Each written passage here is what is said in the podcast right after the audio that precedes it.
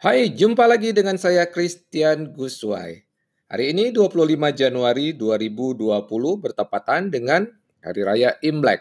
Untuk itu saya ingin menyampaikan selamat merayakan Hari Raya Imlek bagi pendengar Retail Guru yang merayakan. Saya berdoa semoga bisnis Anda semakin grow and prosper di tahun mendatang.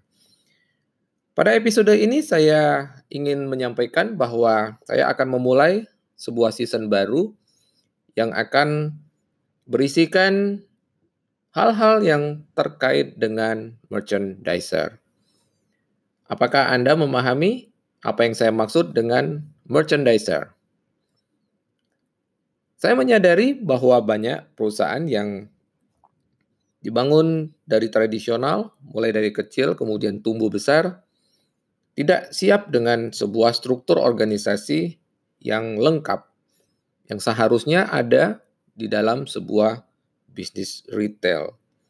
Di dalam bisnis retail ada dua driver, dua penggerak utama yang memungkinkan bisnis retail yang dikelola menjadi bisnis retail yang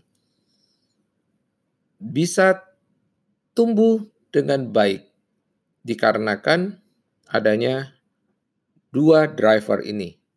Yang satu adalah operation, yang satunya lagi adalah merchandising.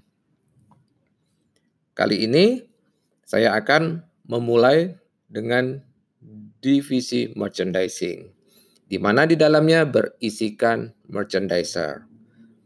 Saya menyadari banyak perusahaan yang tidak memiliki divisi merchandising. Mengapa?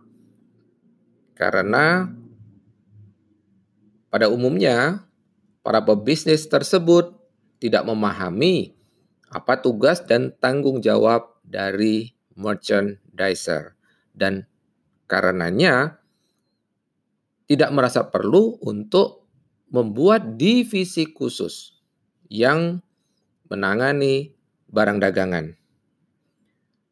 Untuk itulah saya akan menyampaikan apa itu merchandiser, apa yang menjadi tugas dan tanggung jawabnya, dan bagaimana seorang merchandiser seharusnya melakukan tugas dan tanggung jawabnya tersebut. Silakan ikuti episode-episode mendatang.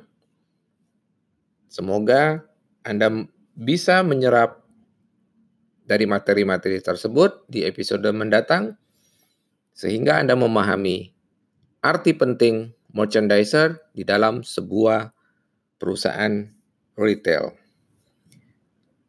Sampai kita jumpa di episode mendatang. Salam, grow, and prosper.